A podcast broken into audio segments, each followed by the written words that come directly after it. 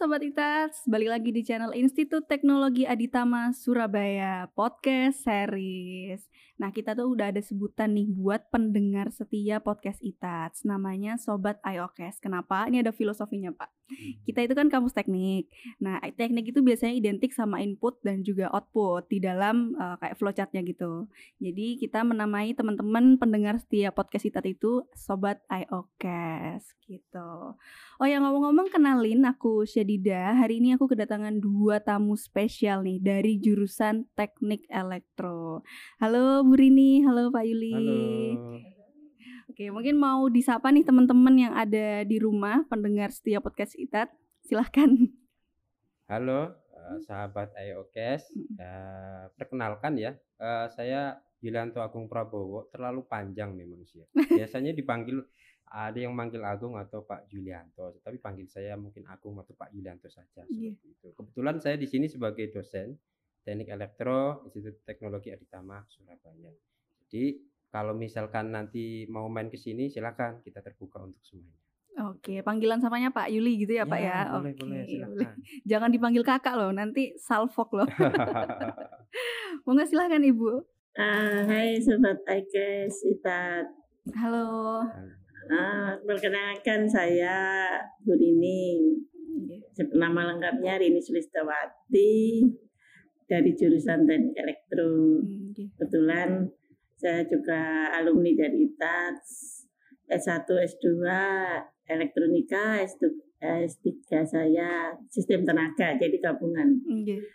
Dua ilmu yang elektro power dan elektronika. Karena kebetulan juga hari ini cukup spesial ya Pak. Kita didatangi langsung oleh ketua jurusan ya, Teknik ya, Elektro. tercantik kita ya. Oh ya. oh ya ngomong-ngomong ini tadi kan belum disebutin tuh fokus bidang dari Bapak dan Ibu itu apa nih di elektro? Kalau saya itu fokusnya memang uh, ada namanya di di elektro itu namanya ilmu kontrol. Mm -hmm. Secara aplikasinya ilmu kontrol itu bisa ke elektronika ataupun juga ke sistem tenaga berarti saya tuh enak hybrid ya dua-duanya oh, iya. itu bisa gitu kan. iya iya nah, seperti itu itu selama ini yang saya geluti dari mulai saya kuliah S1 hmm. S2 dan semoga saja nanti ketika S3 amin amin udah ada rencana ya Pak ya pasti rencana okay.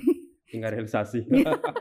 kalau ibu sendiri saya tadi sudah sebutkan ya, hmm. ya pertama itu adalah elektronika S1 S2 saya, kemudian S3 saya power. Jadi saya ingin semua itu masuk. Jadi saya oh sudah mengenal namanya elektronika bagaimana, kemudian power bagaimana. Jadi semua uh, di bidang itu kita bisa menguasai begitu. Hmm, dua-duanya sama-sama iya. hybrid nih Bapak dan Ibu ya. Iya, iya. Gitu. Oke, ini udah mulai mengenal tipis-tipis. Boleh nggak kita flashback ke belakang? Saya pengen tahu nih apa sih cikal bakal uh, bisa tiba-tiba ngide mau nyemplung ke teknik elektro tuh gimana ceritanya gitu, Pak? Hmm. Mungkin dari Bapak atau Ibu dulu silakan. Oke. Okay. Okay. Jadi kalau saya sih awalnya dari om saya ya. Jadi om hmm. saya itu semuanya apa elektro. Oh. Ya, om saya itu elektro semua. Kemudian uh, saya diajak ke Surabaya. Udah masuk aja di ITAT ini ngambil elektro. Nah terus saya mikirnya kan wah ini bisa saya enak nggak usah beli buku. Nah, sudah ada turunan ya. Sudah ada keturunan. Nah, jadi kan bisa kopas nanti. jadi akhirnya saya masuk ke situ.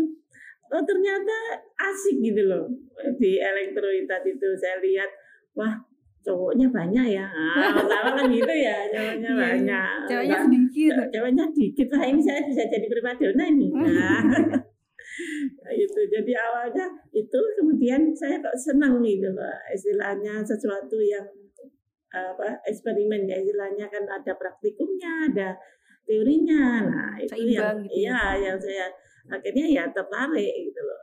Jadi saya itu nggak keliru masuk di jurusan ini. Nah, karena orientasi saya memang dari keturunan tadi sudah oh om saya sukses nih di elektro ya saya ngikut gitu aja Jadi untuk teman-teman sobat ITATS jangan ragu misalkan mau kuliah di ITATS buktinya ini alumni ITATS sendiri sudah bisa menjadi ketua jurusan loh.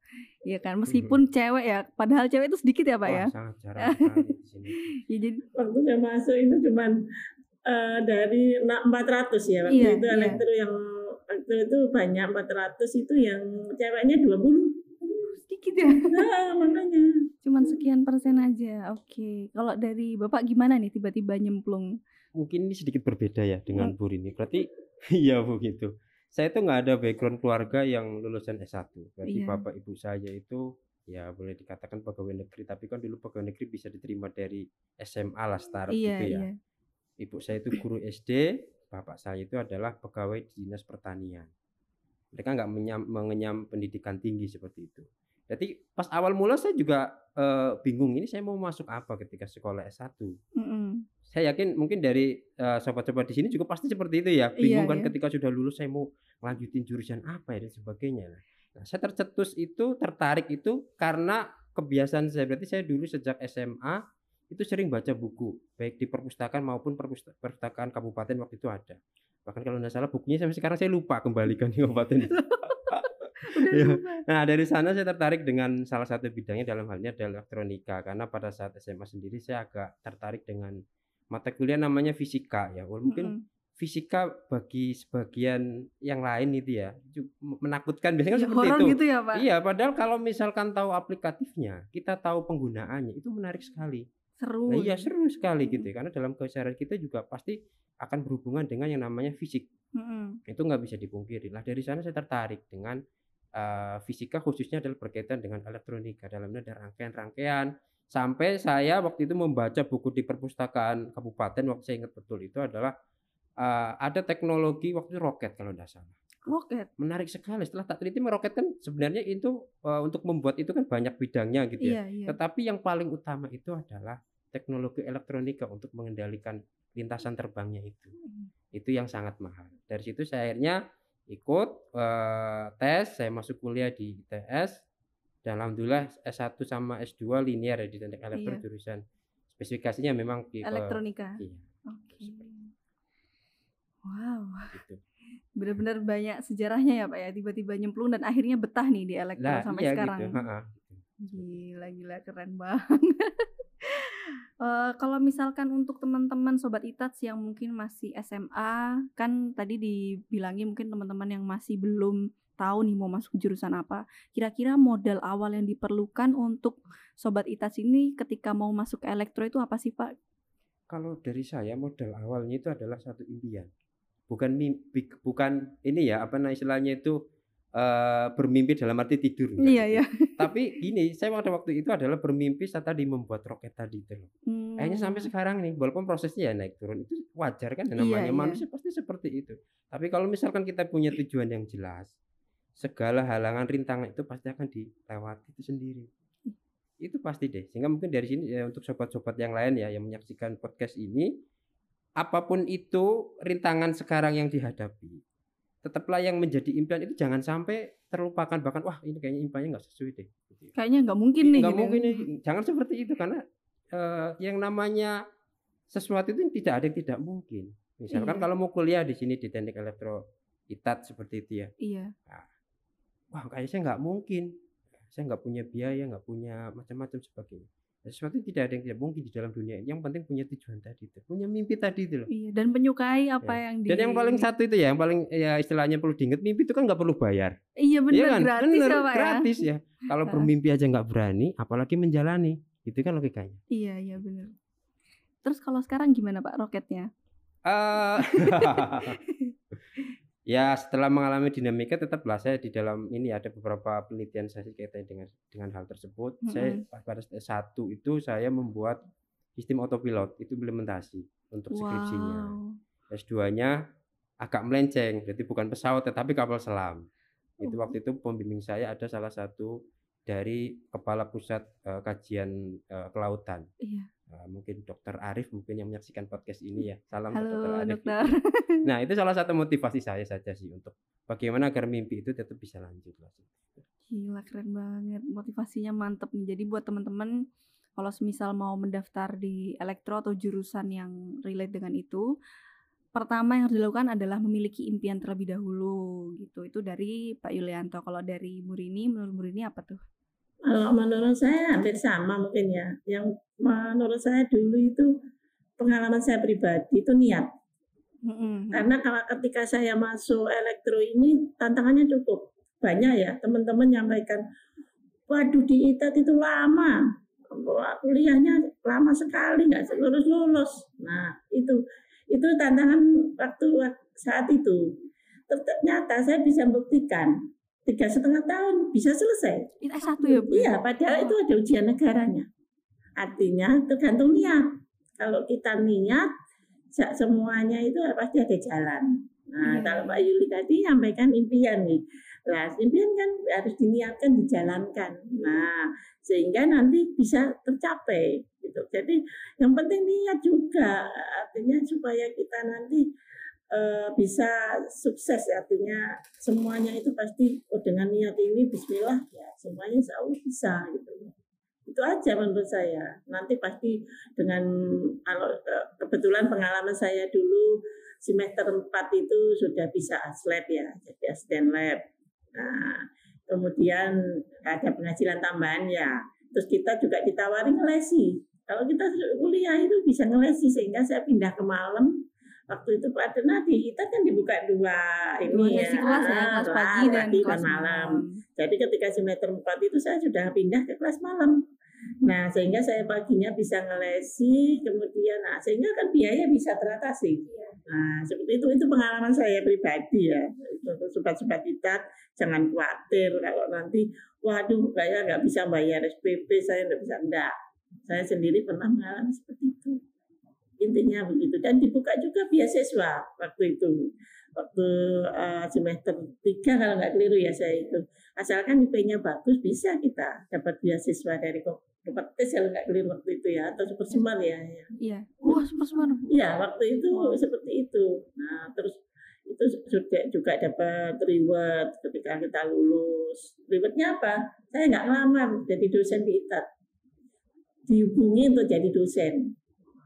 Ini sebuah keuntungan yang ya, biasa. Jadi ya. saya baru baru sudah tiga bulan ijazah saya negara keluar waktu itu kan ada di negara ya jadi jasa negara keluar langsung saya jadi di, ditawari menjadi dosen karena itu tadi prestasi mungkin kalau sekarang ya harus studi S2 dulu ya iya, karena iya. beda catatannya iya. peraturannya udah beda ya, dari negara ya itu aja itu yang saya alami enak ya, jangan khawatir kalau lulus dari sini enggak bisa malah enak so pindah malam bisa pindah ini fleksibel lah iya gitu. fleksibel kalau semisal nih udah niat udah ada, impian udah terpasang, tapi teman-teman ini kan tadi disebutin uh, kayak hitung-hitungan fisika kayak gitu kan ya Pak. Kalau teman-teman ini ternyata asalnya dari IPS gitu gimana dong Pak? Masih bisa apa enggak? Berarti kalau misalkan teman-teman di sini punya keterbatasan dalam masalah hitungan itu, hmm. Uh, saya nggak bisa pungkiri, saya juga nggak terlalu mahir-mahir banget berkaitan dengan perhitungan. Hmm. Gitu ya. Cuma karena saya itu sendiri memposisikan bahwasanya matematika itu adalah tools. Matematika itu alat, bukan tujuan. Ya. Oh. Selama ini saya oh. pelajari ya semenjak SMP, uh, eh, SMA mungkin mungkin pola belajar saya yang salah atau mungkin juga pola diajarkan guru salah saya tidak tahu gitu ya. Selama ini kan kita meng, me, mempelajari matematika itu adalah lebih kepada masalah hafalan. Iya, iya benar. Itu nggak bisa dipungkiri. Akhirnya apa? orang itu malas untuk hmm. belajar matematika. Tapi semenjak saya itu kuliah di teknik ya karena tahu bahwasanya matematika itu tools. Matematika itu alat. Di mana alat tersebut itu digunakan untuk menyelesaikan tujuan tertentu. Hmm. Berarti kan mau tidak mau kan saya harus berkecimpung di sana dan tahu ini fungsinya itu seperti ini perhitungan. Hmm. Ya ini bisa juga. Kenapa? Ya kan karena tadi ada ketertarikan. Hmm. Selama kita tertarik, maka nanti apa pun halangannya akan di uh, bisa diselesaikan di sini termasuk di sini misalkan tadi yang IPS itu ya sebenarnya IPS itu kan juga ada berkaitan dengan perhitungan kan ada logika gitu ya iya iya itu pasti ada gitu ya nah sehingga ini masalah uh, korelasi saja dengan misalkan ke depan berkaitan dengan teknik elektro. Jadi jangan khawatir di sini kalau misalkan dari IPS gimana ya tetap tetap bisa ya di sini untuk belajar di teknik elektro. Hmm. Dan mungkin tadi saya mungkin nambahkan gitu ya. Iya, boleh dari Pak, tadi boleh. yang saya sampaikan berarti setelah beberapa tahun saya itu berkecimpung di elektro itu ada salah satu yang saya kira itu uh, berhubungan ya. Salah satunya adalah ternyata itu perkembangan teknik elektro ya semakin berkembangnya zaman. Zaman mm -hmm. peradaban dan lain sebagainya itu sampai kapan pun yang namanya elektro itu akan tetap ada. Ya iya. Ya itu nggak bisa dipungkiri. Misalkan di sini berbicara masalah energi. Selama ada manusia maka manusia membutuhkan energi. Dalam hal ini misalkan listrik ya kita sekarang sedang podcast dan sebagainya. Iya, iya. tanpa energi listrik nggak ada. Kita nggak bisa ngapa-ngapain coba. Iya. bener nggak? Kita udah ketergantungan gitu ah, pak apalagi sekarang misalkan smartphone misalnya itu ya iya, smartphone iya. hampir dari mulai anak kecil bahkan mungkin baru lahir itu kan sudah megang smartphone kan ada Iya. beberapa orang tua yang uh, melakukan seperti itu itu kalau misalkan tidak ada perkembangan dari teknik elektro gitu tidak mungkin manusia itu bisa menciptakan teknologi yang bisa memudahkan manusia dalam berkomunikasi dalam bersosialisasi dalam belajar dan lain sebagainya sehingga saya terus terang itu selama saya merenungi ini ya dari mulai tadi ya saya sekolah saya merasa itu berarti ketika saya memilih elektro saya nggak rugi. Karena benar sekarang itu ya. Iya. Nah, perkembangan sangat pesat. Sampai kapan pun tidak akan habis berkaitan dengan masalah elektro. Gitu Iya. mungkin.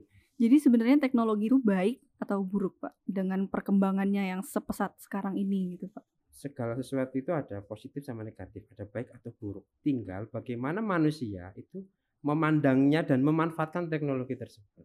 Hmm, kalau misalkan HP bisa nggak digunakan untuk kejahatan bisa Ya bisa untuk nipu, untuk macam-macam kan sekarang banyak. Bisa. Iya. Tapi kalau misalkan digunakan untuk misalkan uh, kuliah online, berkomunikasi, nah, berarti kan ada dampak positif di sana itu. Oke. Kalau menurut ibu sendiri selama kuliah di elektro ada nggak sih mata kuliah yang paling menantang? Ini mata kuliah kurang ajar nih, gitu. Nanti di Ada sensor ya mbak.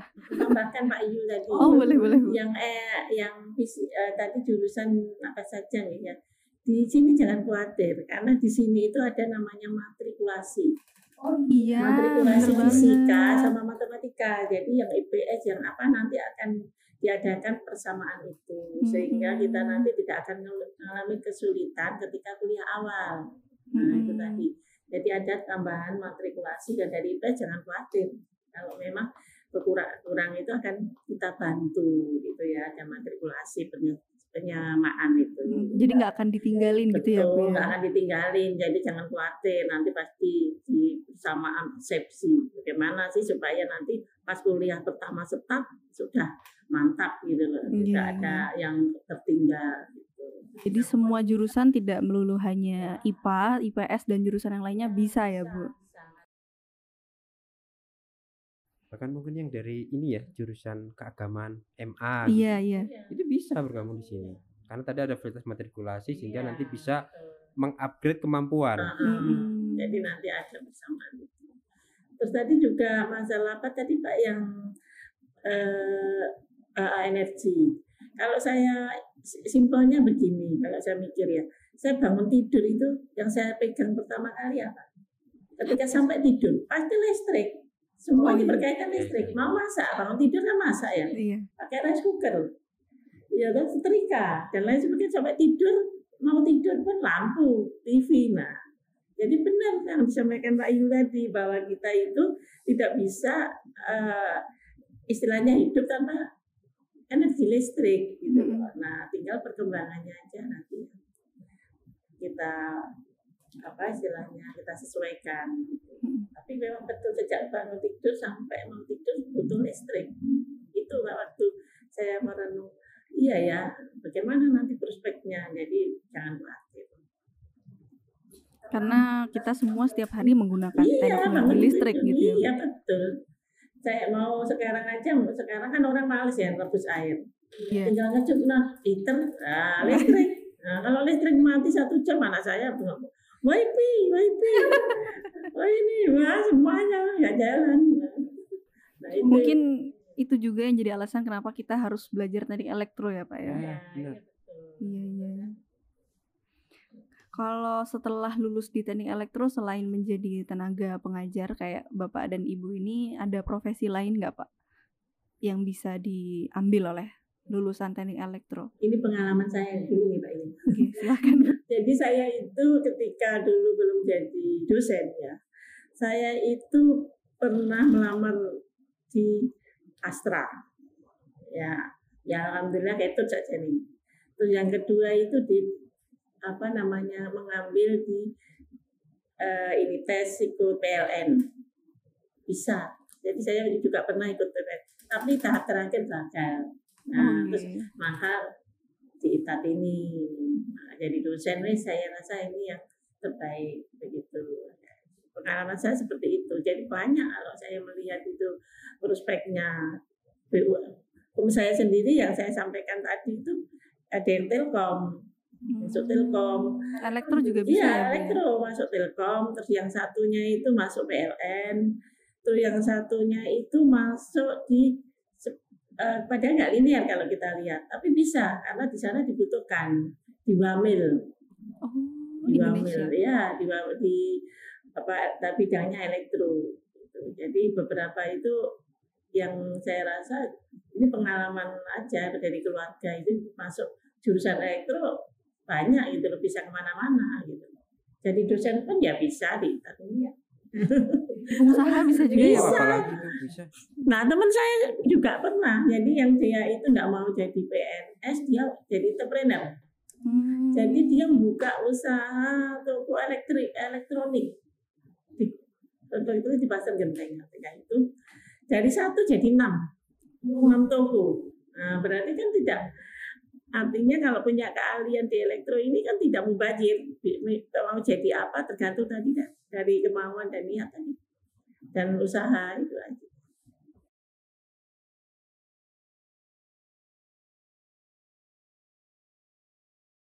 Berarti uh, mungkin saya perlu uh, ini nyampaikan dulu. Berarti saya sempat juga sih uh, berarti sebelum saya jadi dosen saya sempat kerja juga di dunia uh, ya boleh dikatakan dunia industri gitu mm-hmm. berkecimpung dengan jurusan yang kaitannya dengan engineering khususnya mm-hmm. adalah teknik elektro di sana itu nah, ketika uh, berada di sana itu yang saya lihat itu adalah perkembangan dunia teknik itu sangat pesat sekali sehingga untuk lapangan kerja berkaitan dengan teknik elektro itu sudah sekarang sangat luas. Bisa misalkan sebagai seorang engineer.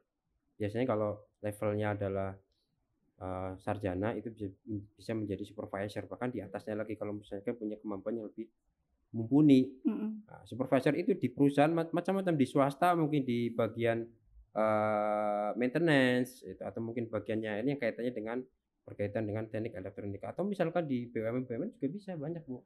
Ya kayak misalkan di alumni kita itu ada yang di PLN tuh saya lupa namanya itu kemarin kita ada webinar webinar dengan beliau benar di PT PAL dan lain sebagainya yang di mana kaitannya adalah berkaitan dengan ya. Teknik elektro. Bisa bisa kayak bisa sebagai elektris eh, eh, elektrisi bisa juga sebagai maintenance ya, dan lain sebagainya. Cukup banyak sekali. Bahkan tadi misalkan sekarang kan anak, muda sekarang kan zamannya uh, startup startup gitu ya, iya, iya, ya iya. itu itu yang sekarang lagi tren. Artinya tadi banyak anak muda sekarang itu kan enggak enggak pengen kerja keluar ya. Dia pengen menghasilkan sendiri gitu. Itu juga ada banyak juga dari alumni yang dari ITET ya, dari ITET itu membuat usaha sendiri. Pas awal ya hanya sekedar CV dan lain sebagainya ternyata sudah berkembang. Seperti itu. Atau misalkan mau menjadi seperti kita gitu ya Bu, hmm. menjadi seorang pengajar ya enggak masalah gitu. Ada yang lebih bagus. Ada gitu. yang ini, Pak. Paginya itu kerja di bank, sorenya ngajar. Oh. Ya, ada. Ada yang seperti itu. Jadi ada eh, beberapa itu saya ketemu Loh bu, loh, sampai tembak mas. Iya bu, tapi sore ngajar saya. Nah seperti itu. Ada yang itu. Ada juga yang jadi dosen tapi juga ke industri juga. Iya, ya, jadi konsultan. Ya, konsultan ya banyak istilahnya. Jadi, Lapangan kerja kita cukup istilahnya elektro itu cukup luas lah untuk menjanjikan. Kalau yang ah sebentar. sebentar sebentar. Tadi kan di sempat dibahas kalau tentang kita tuh sangat bergantung dengan energi Mhm. energi listrik terutama juga ya bu dari bangun tidur sampai tidur lagi. Kalau semisal kita terus menerus memanfaatkan energi listrik itu kan ada bahan baku utamanya yang juga akan habis gitu kan bu. Itu juga ada rencana umum energi nasional dari pemerintah yang katanya akan meningkatkan pemanfaatan energi terbarukan. Nah, di elektro tuh saya dengar ada tuh mata kuliah renewable energy. Nah, menurut Bapak sama Ibu, jenis energi terbarukan yang sekarang paling tren di Indonesia itu apa saja? Jadi saya dulu Mbak Ingrid. Nah kebetulan saya ngajar ini mata kuliah energi terbarukan. Wah, cocok banget. Jadi ini pengalaman kalau yang sekarang itu dari penelitian-penelitian Mbak ya, dari penelitian yang saya baca, kemudian topik saya sendiri disertasi juga kebetulan energi terbarukan. Jadi kalau di Indonesia ini itu adalah memang ada beberapa ya yang tren itu salah satunya yang utama memang solar cell atau yang disebut photovoltaik itu karena lahan kita mungkin uh, daerahnya panas ya di Indonesia jadi cocok sekali untuk energi terbarukan termasuk yang sekarang banyak dikembangkan itu kan rooftop ya yang rumah itu atau Sudah ada ya, panel betul. gitu. jadi bahkan di apa namanya uh, Wiguna itu ya bapak-bapak itu sudah pasang itu saya wah ini saya harus ngikut ini. Seperti itu. Jadi atapnya sudah diganti PV nah seperti itu.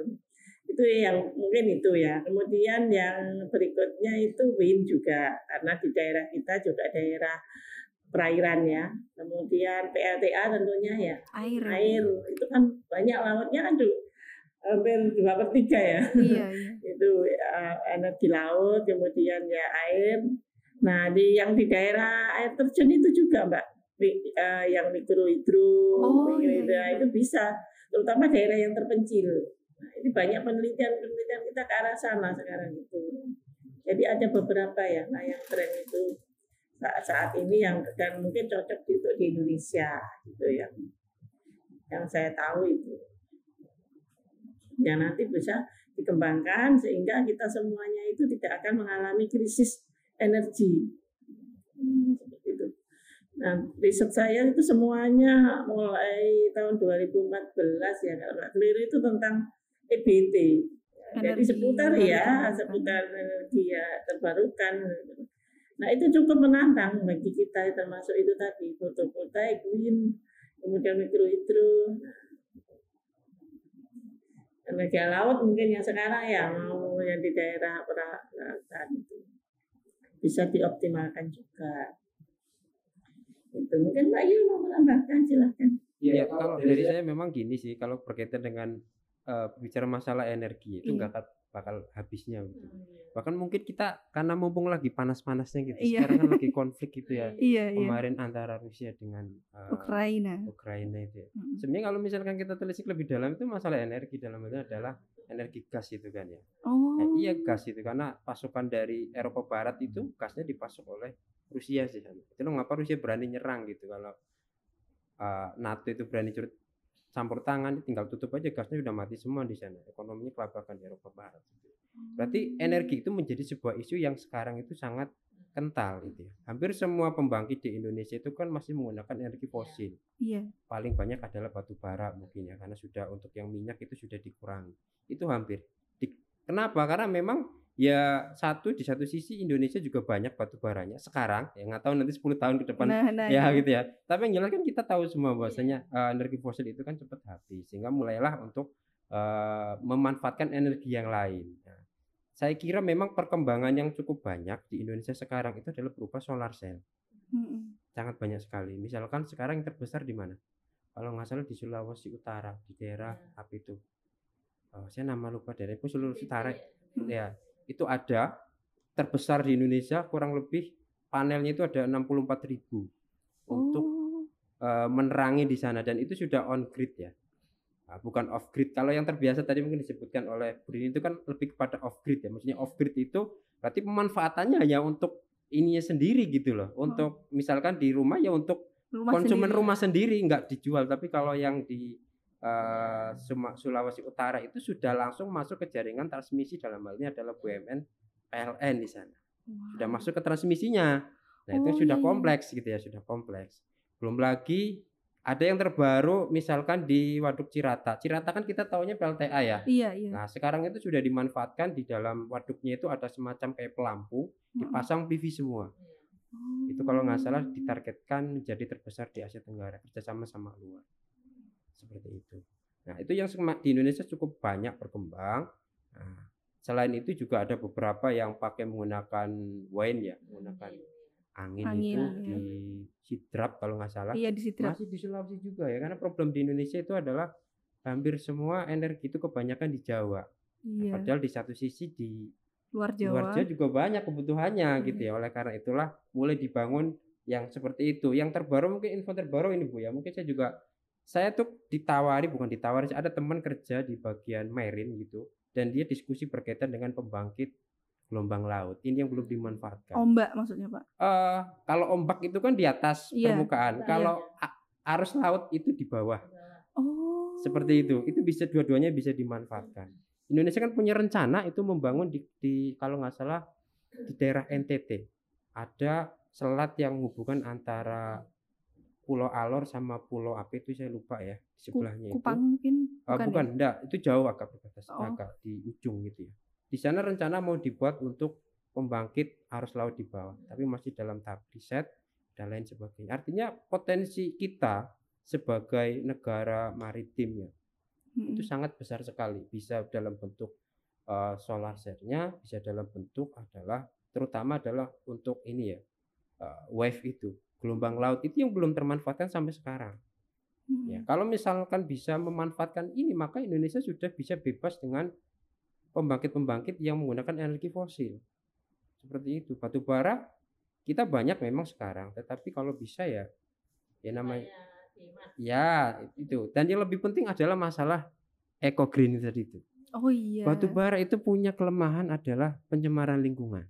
Itu hmm. mungkin problematik ya. Kayak yeah. misalkan di Cina kan di sana pembangkitnya banyak, yeah. tapi luar biasa polusinya di sana itu. Dan salah satu memang impor Indonesia batu bara, batu bara dari dari ini kan kebanyakan dari Indonesia di sana itu. Nah, kalau bisa sekarang itu trennya ke depan adalah bagaimana agar energi itu bisa diperoleh dengan murah, mudah dan juga bersih. Ramah lingkungan. Ramah lingkungan, lingkungan tadi itu. Hmm, jadi juga menyongsong eco green juga ya, Pak iya, ya. Gitu. Karena kan kabarnya uh, juga pada tahun mungkin 2050-an akan mencoba untuk mandiri energi ya iya. Indonesia. Yeah. Benar-benar kayak misalkan mobil listrik sekarang sudah mulai ada dan itu juga ada menggunakan solar system juga ya, Pak. Yeah. Sudah setren itu gitu sekarang. Yeah. Sebagaimana tadi saya bilang, mm -hmm. elektro itu kapan pun akan berkembang terus selama ada peradaban di sana. Iya, iya ya. benar. Terus kita sendiri sebagai warga negara Indonesia sudah seberapa siap sih Pak menghadapi tantangan energi terbarukan yang saat ini sedang berkembang? Kalau perkembang ini ya kesiapan dari manusianya sendiri itu ya. Kalau menurut saya pribadi di sini ya memang masih ada kendala dalam hal hmm. pemahaman mereka berkaitan dengan bagaimana memperoleh energi yang murah, mudah dan bersih tadi itu. Hmm misalkan contoh saja lah misalkan kendaraan bermotor itu yang kita naikkan gitu yang kita biasa naik sehari-hari itu ya kan hampir semua masih menggunakan bahan bakar menggunakan fosil padahal sudah ada pilihan lain yaitu dalam hal ini adalah pakai motor listrik gitu ya. Iya. Ya kenapa kok nggak milih motor listrik? Di samping ada faktor lain ya mungkin ya masalah infrastruktur juga kan berkaitan pengisian baterai dan lain sebagainya. Cuma kadang-kadang orang kan milih simple iya Mas daripada listrik kelamaan itu nanti mau kok di jalan mendingan saya pakai bensin selesai sepuluh ribu selesai gitu iya kan. banyak tuh pom bensin nah gitu. maksud saya gitu loh ya itu ya, nah, mindsetnya memang butuh peran serta tidak hanya pribadi tapi juga uh, kebijakan dari pemerintah yang bisa ya. mendukung ekosistem tadi itu loh tapi saya kira sekarang sudah cukup bagus untuk bagaimana uh, kendaraan listrik itu sudah mulai dipopulerkan ke masyarakat ya, masyarakat pelan -pelan juga iya gitu. pelan-pelan dan saya yakin tahun 2050 tadi itu nanti akan bisa untuk bagaimana uh, bisa meninggalkan energi fosil tadi. Selain dari itu mungkin saya tambahkan regulasi ya. Jadi regulasi pemerintah itu harus uh, artinya harus ya peraturannya itu harus ya istilahnya kalau ini mau ber, di kita ke mana ya? Arahnya ke energi terbarukan ya regulasinya harus diperbaiki dengan perubahan-perubahan peraturan mungkin kalau dan ketentuan-ketentuan yang baru itu jadi supaya enggak istilahnya enggak setengah hati. Jadi kita itu benar-benar kalau sesuatu kalau jadi wajib kan jadi anu oh ini manfaatnya kemudian investasinya sekian. Nah mungkin harus ada apa nama selain regulasi yaitu tadi kalau saya melihat pemahaman ya tadi memahami ke masyarakat bahwa oh nanti kalau anu biayanya besar nih PV, ya, keuntungannya berapa? Nah, itu mungkin juga kita sampaikan nanti kita hitung-hitungan bagaimana dalam jangka panjang itu. Nah, kemarin juga waktu saya membuat penelitian perhitungan juga ya, yang biasa Pak Anu Pak Yu sampaikan tadi yang mungkin sifatnya mungkin kecil-kecil ya kayak rotok dan sebagainya sebenarnya lebih untung ini sebenarnya lebih untung ke depannya itu gitu. Bahkan kita bisa menjual itu energi panel surya kita yang berlebih di rumah. Nah, arahnya nanti kan pemerintah akan ke sana juga. Kalau sebulan luar negeri sudah seperti itu gitu kan. Ya mudah-mudahan kita juga akan ke sana gitu. Sedang menuju ke sana. Nah, ya. betul. Saya jadi teringat itu ketika PV pas awal-awal. Berarti saat kuliah itu PV itu luar biasa mahal. Makanya saya nggak berani untuk main-main kayak gitu ya. Mm hampir sekitar 10 5 10 tahun yeah. yang sebelumnya itu kan seperti itu ya. Tapi sekarang kita coba lihat PV itu ya, photovoltaik atau solar cell. Itu kayak kacang goreng sekarang. Harganya. Iya. Ya kan sebenarnya itu kan hukum ekonomi kan. Artinya ketika memang kebutuhannya itu banyak sehingga skala produksi massal kan bisa. Iya. Sehingga yang seharusnya biaya produksi mahal bisa menjadi lebih murah. murah. Dan saya yakin untuk yang lainnya misalkan tadi gelombang laut atau wine lah. Sekarang mengapa mahal investasi awalnya? karena produksinya masih terbatas. Hmm. Ya, ya. Sehingga harganya pun cukup mahal. Sehingga ketika mungkin tahun 2050 ini ini benar-benar memang sudah menjadi kebutuhan masyarakat dan sudah menjadi ya boleh dikatakan budaya gitu ya hmm. di masyarakat.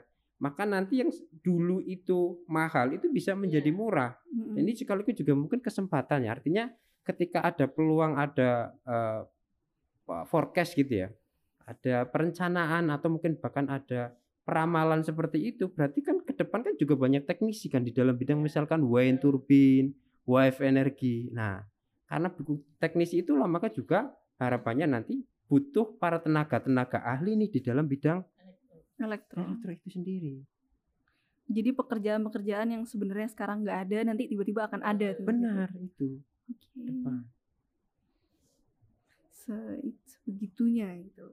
Kalau misalkan dari perkembangan energi yang sekarang ada, ada nggak keahlian khusus yang harusnya dimiliki oleh lulusan teknik elektro saat ini untuk menyesuaikan diri nanti di industri energi ini, Pak? Kalau ini ya, keahlian itu sebenarnya problem itu kan karena dunia juga berkembang, sebenarnya problem kan hmm. kan berkembang. Cuma kan secara substansi, secara intinya problem itu kan sama, mm-hmm. ya berkaitan dengan intinya itu. Oleh karena itulah kompetensi yang paling dibutuhkan seorang engineer itu adalah kompetensi analitis, troubleshooting itu yang paling penting. Mm. Ya. Troubleshooting. Ya? Iya troubleshooting berarti ketika ada problem di sini nih di bagian misalkan dalam rangkaian ya saya contohkan mungkin yang mudah aja ya. Iya iya boleh. Ada Pak. instalasi rumah nih, okay. lampunya nggak nyala, okay. semua sudah dicek di sumber, sumbernya dicek oh ada tegangan di sana, ada arus di sana. Nah, dari sana kan sudah mikir kan, oh kira-kira nanti kerusakannya di jalur yang mana, di kabel yang mana gitu loh bahasanya. Mm -hmm. Untuk bisa mengetahui hal tersebut itu kan butuh basic. Basic dalam hal ini misalkan dalam kuliah elektrik kita ada mata kuliah, nah instalasi tenaga, tenaga listrik. Contoh sederhananya saja. Kalau dalam contoh aplikatifnya mungkin lebih ini ya lebih mm -hmm. kompleks, kompleks lah. Mm -hmm. Cuma paling tidak itu seperti itu yang dibutuhkan dalam sebagai seorang engineer mampu berpikir analitis. Analitis gitu ya, dan struktur. Ya. Oh, nggak bisa tiba-tiba dari sini prosesnya tiba-tiba ke sana dulu. Iya nggak bisa gitu, gitu ya kan kayak misalnya tadi yang yang kabel tadi kan misalkan rusak di sini kan tidak tiba-tiba langsung ngecek di PLN-nya sana terus kayak di Gardin kan nggak seperti itu. Iya iya pak. Nah, saya kayak gitu. harus paham prosedurnya gitu alurnya. Dimarahin orang PLN nah, apa itu. ini gitu. Kalau menurut Ibu sendiri apa nih modal yang diperlukan keahliannya? Kalau saya itu yang menurut kami ya dari mungkin ini mungkin kurikulum ya. Jadi masalah kurikulum. Jadi kalau ke depannya itu ya kita istilahnya yang kita susun sekarang itu ya per kurikulumnya ya berbasis itu tadi istilahnya ber, ya mbaknya ini IO itu input outcome jadi OB ya artinya nanti supaya e, kalau kurikulumnya sudah bagus ya mata kuliah mata kuliahnya kita sesuaikan dengan kebutuhan. Outcome sekarang itu apa yang dibutuhkan. Nah sehingga yang kita rencanakan ke depan itu alumni kita di mana pun bisa diterima gitu kalau kita sudah merancang kurikulumnya yang bagus ya termasuk yang saya sampaikan Uki tadi uh, salah satu selain dari Pak Yul secara uh, mahasiswa itu perlu mata kuliah yang dasar dan sebagainya kan tidak lepas dari kurikulum yang dibutuhkan oleh masyarakat oleh dunia industri nah, seperti itu Iya, berarti di jurusan elektro memang sudah paham ya. Nanti forecast ke depan kira-kira ya. seperti tadi yang saya sampaikan. Ya. Sehingga untuk mencetak itu kan uh, harus ada sistem ya. Kita kenalnya kurikulum gitu bahasa. Iya, iya. Nah, kita ada sudah ada kurikulum yang disusun sedemikian rupa agar lulusannya ke depan itu sesuai dengan tantangan tadi itu iya, loh. Jadi kita nggak ketinggalan dengan zaman itu berkaitan dengan iya uh, alumninya atau lulusannya tadi. Jadi udah siap apalagi di ITAS ternyata ya tadi dibilang Bu Rini ya Pak, nggak cuma teori tapi juga ada praktikumnya. Ya. Jadi teman-teman secara tidak langsung udah belajar ada di industri itu. Setiap mata kuliah ada yang berkaitan dengan uh, teknis terutama ya. Praktik itu ada praktikumnya yang nanti kita manfaat apa lulusan kita keluar itu juga bisa diterima di industri seperti itu. Ya, salah satunya tadi ada praktikum namanya teknik tenaga listrik, kemudian elektronika daya, terus PBL itu pengukuran besar listrik, ukur yang sederhana kalau kita enggak kan juga dibutuhkan itu. Iya, iya benar. AVO ini nggak isong terus. Masa elektro nggak bisa pakai AVO gitu ya? Nyoder, nah itu kan juga dibutuhkan, walaupun itu sederhana kelihatannya. Gitu. Sederhana tapi kalau udah banyak. Iya, iya sama kita mau nggak mau kan dipakai keluarnya. Iya. Uh, balik lagi di penggunaan energi ya Pak ya. Itu kan tadi sempat di-mention sama Pak Yuli kalau PV itu pada awal-awal sekitar 5 atau 10 tahun yang lalu mungkin ya Pak itu masih mahal. Berarti kan masuknya energi baru terbarukan di Indonesia itu sudah lama banget kan ya Pak. Hmm. Terus apa sih kendalanya kok sampai sekarang itu masih belum bisa terrealisasikan benar-benar mandiri energi gitu Pak? problem yang utama itu adalah energi yang dihasilkan itu dinamis. Berbeda hmm. misalkan dengan PLTU yang dengan menggunakan batu bara itu kan kita bisa setting kapasitasnya berapa. Selama hmm. batu bara ada ya sudah kapasitas yang dibangkitkan ada. Cuma kalau PV itu kan ada cuaca misalkan mendung, hmm. ya dan lain sebagainya. Wind juga sama, wind juga sama.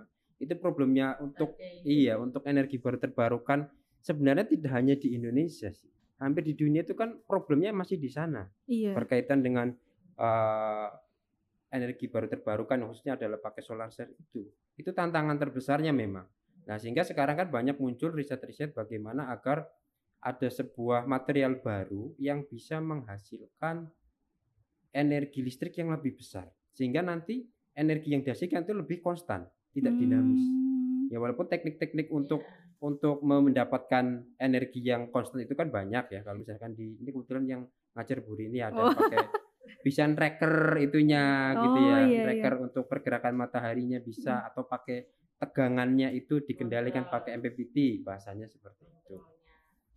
MPPT itu apa Pak tadi Pak? Uh, tracker. Oh, Berarti itu nanti punyanya tegang, solar. Ya, oh. gitu. Berarti pada saat PV antara jam 9 pagi sampai nanti sore itu kan intensitas mataharinya kan terbatas. Iya. Puncak-puncaknya kan pada saat jam 12-an gitu ya. Mm-hmm. Ya, jam 2, jam 12 gitu loh. Sehingga energi yang dihasilkan juga dinamis itu turun kurvanya seperti ini. Oh. Nah, MPPT itu adalah mekanisme bagaimana agar tegangannya itu bisa tetap keluar stabil yang masuk ke dalam beban tadi itu. yang banyak diteliti sekarang itu kan masalah itu, masalah konverter dan inverter. Nah itu memang dua kontrol yang harus ada ya di dalam PV, eh, perancangan PV supaya itu tadi menghasilkan kestabilan output dari PV sendiri atau dari wind nah, seperti itu. Kalau di EBT ya ke sana yang dikembangkan itu dengan metode-metode yang banyak Nah, tetapi memang disampaikan Pak Ayu tadi betul masalah bencana alam ya. Itu hmm. memang menjadi karena kita akan memanfaatkan itu kan sumber daya alam jadi langsung dari alam sehingga kayak PV, kayak wind. Ini kan tergantung kalau cuacanya seperti ini kan pasti PV-nya turun. Iya, istilahnya kan nggak bisa maksimal karena iya. mendung seperti mendung. itu. Apalagi kemarin sempat hujan es juga ya. Nah, nah gitu. seperti juga wind. Kalau gitu es. kalau wind itu juga apa angin. Nah, sekarang bagaimana kapasitas angin itu? Nah, itu juga jadi kalau dari alam memang semuanya kendalanya di situ. Hmm. Kalau dari zaman itu tuh kata solusinya dipasang baterai. Nah ini mungkin teknologi, teknologi sekarang yang lagi diteliti itu kan adalah bagaimana kita mungkin tahu power bank gitu ya. Oh iya iya iya. Nah tapi bagaimana kapasitasnya besar. Itu Cina itu lagi luar biasa untuk meneliti besar-besaran berkaitan dengan untuk menyimpan energi besar tadi itu. Nanti ke depan itu kan dari pembangkit dari, dari PV itu disimpan di dalam baterai yang kapasitasnya gede. Sekarang kan terbatas kapasitasnya untuk penyimpanan itu pakai kayak aki gitu nggak pak? Atau baterai kita kenalnya aki kayak gitu oh. lah ya gitu. Cuma aki kan punya ya tadi kapasitas terbatas iya gitu. iya. Bagaimana agar kapasitas itu besar tetapi dimensinya kecil. Kecil. Ya. seperti itu.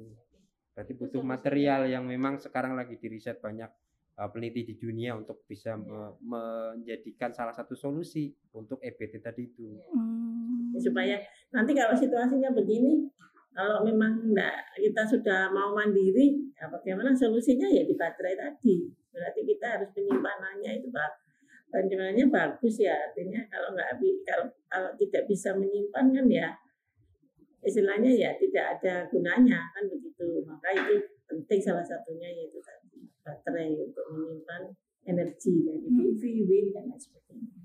Ini juga ya, saya tadi baca ya sebelum podcast ini saya baca statement dari Dirut PLN gitu khusus ya, di Jawa. Apa itu, Pak? Berarti pembangkitan di Jawa, Bali itu mm. kita itu surplus.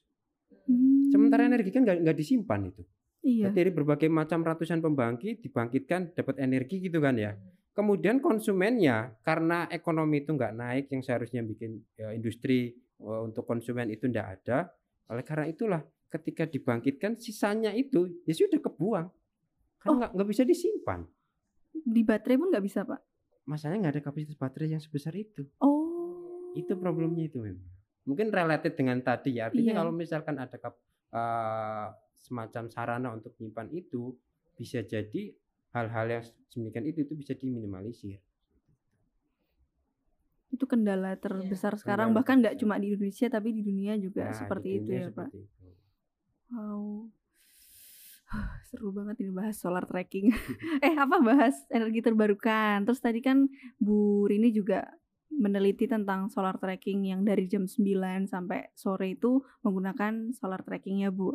Nah, di solar tracking itu kan juga tidak lepas dari penggunaan sistem robotika juga kan Pak? Ah, teknologinya teknologi teknologi robotika berarti antara robotika dan juga EBT itu saling sangat berkaitan ya Pak Bu iya sangat berkaitan sekali. Hmm, kalau misalkan contoh realnya mungkin ada nggak nih penelitian dari teman-teman di Ten Elektro? Kalau kalau uh, saya ini gini, kalau kebetulan kalau saya IoT-nya ya, hmm. IoT-nya itu artinya menggunakan teknologi bagaimana kita bisa memantau ya hmm. energi yang dihasilkan itu by smartphone seperti itu. Oh, dari HP? Ya, jadi oh. kalau saya dimagetkan biasanya kayak ibu saya, ini lampunya sudah mati apa belum dan lain sebagainya. Nah, seperti itu. Nah, IoT-nya. Baik itu bang pakai panel surya atau apa pun bisa dikontrol. Nah, kemudian riset saya kemarin juga masalah monitoring PMU. Jadi bagaimana di unit-unit itu bisa mengetahui berapa daya yang dihasilkan itu pakai menggunakan smart HP ya. Itu salah satu yang real mungkin yang bisa diaplikasikan. Nah kalau yang dari robot ya mungkin yang robot itu kan banyak yang di PV itu kan kotor ya mbak ya hmm. jadi kan bisa itu untuk membersihkan itu robot pembersih PV. Nah, sekarang kan ada main gitu ya Pak kita. Nah, ini Pak Yul yang mau meneliti nih ceritanya. Oh iya benar Pak. Uh, iya, iya, saya siapin PV-nya, beliaunya robotnya. Enggak ini sebenarnya karena berawal dari ini sih ada teman dari praktisi gitu kan. Mm -hmm. Jadi uh, pada waktu diskusi lah, saya biasa nongkrong sama teman-teman gitu. Uh, pertanyaan pada waktu itu adalah ini kan sekarang banyak ini PV-PV yang kapasitasnya besar. Kalau kapasitas di rumah kan mungkin hanya sekedar, berapa yeah. diameternya berapa kan bisa kita bersihin pakai sapu, pakai apa. Hmm. Tapi kalau misalkan contohnya tadi misalkan di PLTA Cirata itu kan hektaran. Iya. Masa ya harus manual, manusia ngerjain kayak gitu gitu kan ya. Seperti itu. Gak selesai-selesai. Nah, benar seperti itu. Nah, kemudian uh, muncullah ide bagaimana untuk membersihkan PV itu dengan menggunakan robot secara otomatis, berarti berjalan di atasnya. Hmm. Sebenarnya prinsipnya itu sama dengan prinsip kayak robot mobil robot seperti biasa ya. Kalau di teknik elektronik ini kan banyak ya eh, penelitian para dosen-dosen termasuk saya juga ada yang sebelumnya robot digunakan untuk mengangkut misalkan material untuk transfer material secara otomatis hmm. atau juga untuk robot uh, untuk security, untuk uh, bencana dan lain sebagainya. Di sini kan sudah banyak yang penelitian seperti itu para dosen maupun para mahasiswa seperti itu. Nah, sehingga tercetus ide gimana kalau misalkan itu diaplikasikan di dalam PV. Masuk akal karena prinsipnya sama. Cuma tantangannya adalah bagaimana agar menjaga robot tersebut tidak jatuh di ketegangan tertentu dan sudut tertentu. Itu ada PV miring ya soalnya. Iya. Pakai track rupanya ada, pakai track oh. tertentu yang menjadikan dia nggak jatuh. Kan sebenarnya sederhana kan? Iya, nah, ide-ide iya. ini nggak mungkin muncul ketika memang saya dosen yang lain itu nggak ada penelitian berkaitan dengan masalah mobil robot hmm. kan harus ada dulu kan iya, basicnya iya. ada dulu tergantung aplikasinya ke mana gitu loh iya. karena saya melihat juga begini ketika PV itu istilahnya namanya partial shaded ya hmm. jadi halangan satu aja daun itu di bagian solar cell terkecil itu sudah drop segalanya hmm maka perlu ini tadi yang sampaikan Pak Yul tadi betul. Jadi harus PSBD itu dalam kondisi yang biar optimal salah satunya harus bersih tadi. Karena ya itu tadi halangan itu kan banyak ya dari debu, kemudian dari pepohonan. Nah, itu nah ini pengaruh sekali terhadap uh, kondisi dari PV sendiri yang dihasilkan outputnya itu gitu. Jadi nanti bisa drop ini karena hanya ya hanya hanya di titik kecil aja bagian sel itu. Nah, seperti itu. Tapi sudah dapat solusinya ya pak? Ya ini makanya saya saya anu penelitiannya Pak Yu yang pakai robot nanti bersihkan BV ini. Oke, ini ada pertanyaan dari Instagram kan kemarin kita sempat posting di sosial media kalau kita akan ada podcast hari ini temanya energi baru terbarukan dan robotika tentunya yang tadi kita sempat senggol sedikit-sedikit. Ini pertanyaannya dari Bestiawan 447. Pertanyaannya adalah apakah solar cell dapat digunakan tanpa menggunakan inverter? Bisa. Oh bisa. Bisa. Jadi kalau kita itu pakai tanpa inverter berarti kan DC ya. Mm-hmm. Jadi nanti ya bebannya beban DC. Gitu. Tapi kalau maunya pakai inverter ya nanti bisa lebih ke beban AC semua beban AC.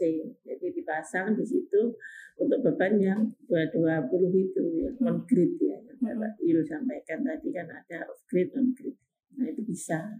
Kalau pribadi penggunanya bisa kali ya Bu bisa, bisa. tanpa inverter. Iya, kalau off grid bisa. Berarti hmm. misalkan untuk di rumah untuk lampu biasa yang hmm. DC, DC bisa. Di sini teman-teman ada yang belum tahu model siapa gitu kan ya. Iya. Sekarang itu direct current gitu kayak baterai, aki itu direct current. Hmm. AC itu alternating current harus bolak-balik gitu. Sekarang malah tren loh ya, mau direncanakan itu yang saya dengar itu isu-isunya itu bahwa kita akan menggunakan nanti DC, -hmm. gitu teknologi DC ini yang sekarang mau sudah dikembangkan mungkin dalam proses ke depannya mungkin lebih besar lagi. Gak hanya melulu Betul. di satu rumah gitu ya, Bu? Ya, tidak uh, eh, AC aja gitu. AC, Jadi, iya, iya, iya. Nanti semua ini bisa memanfaatkan DC. Harus DC semua.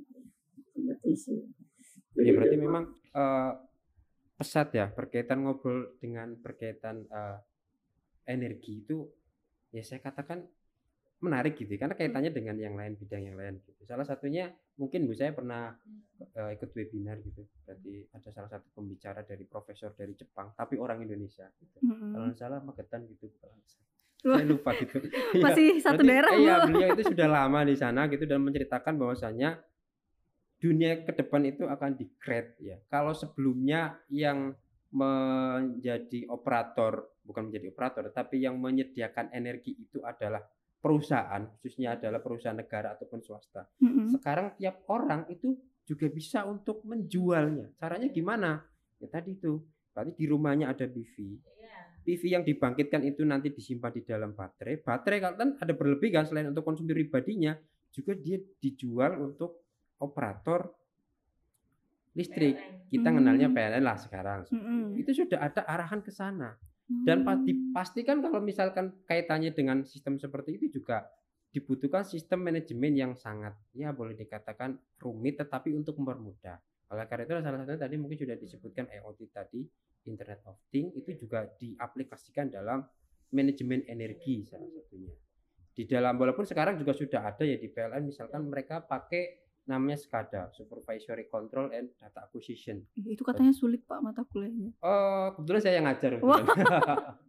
Bukan sulit sih, tapi ini sebenarnya adalah untuk solusi ketika mengintegrasikan berbagai macam sistem. Oh. Contoh sederhana di Indonesia Jawa lah ya, iya, ada iya. berapa pembangkit?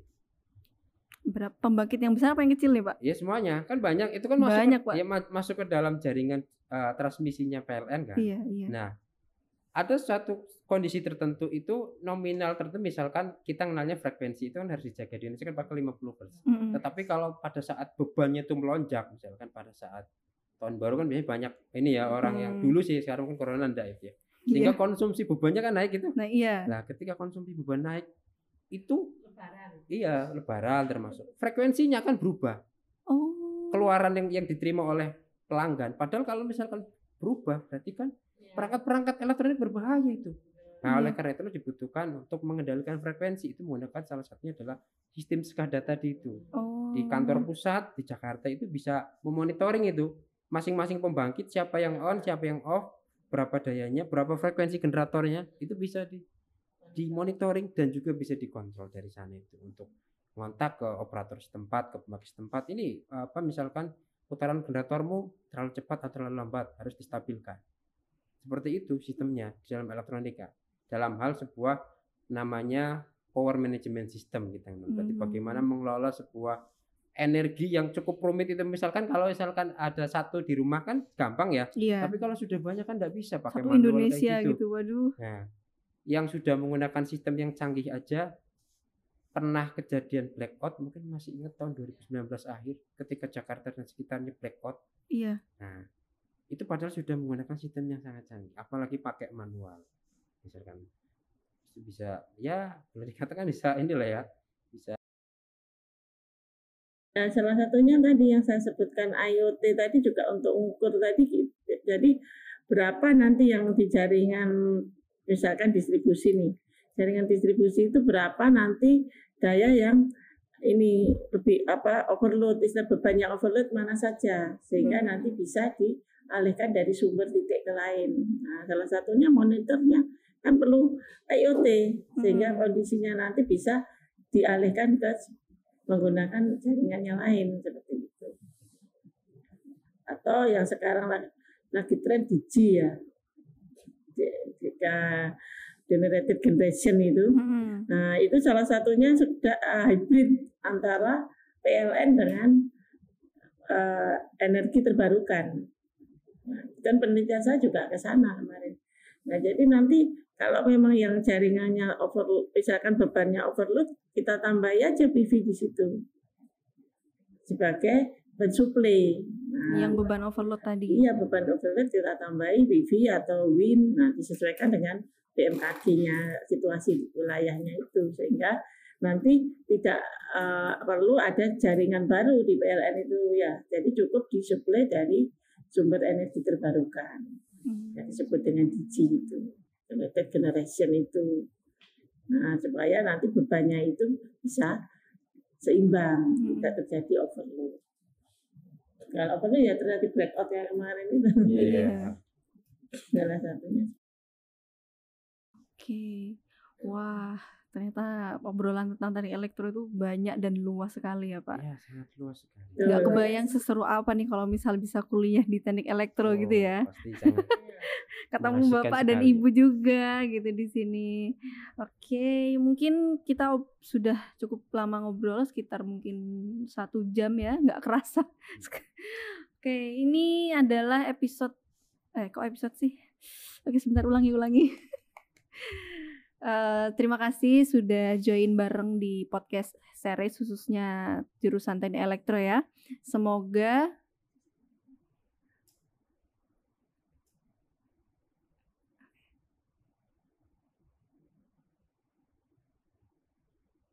sebentar Pak, kameranya ini panas sih. Pas, Iya. pas. overheat.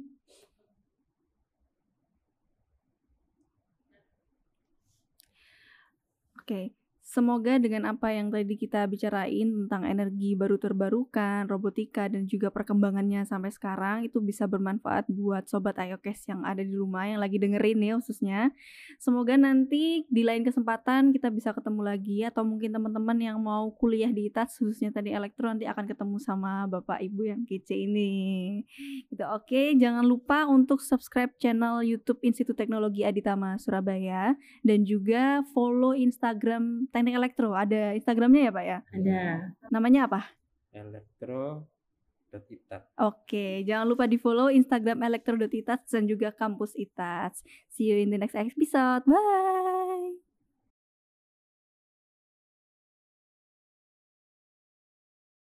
Oke. Sudah.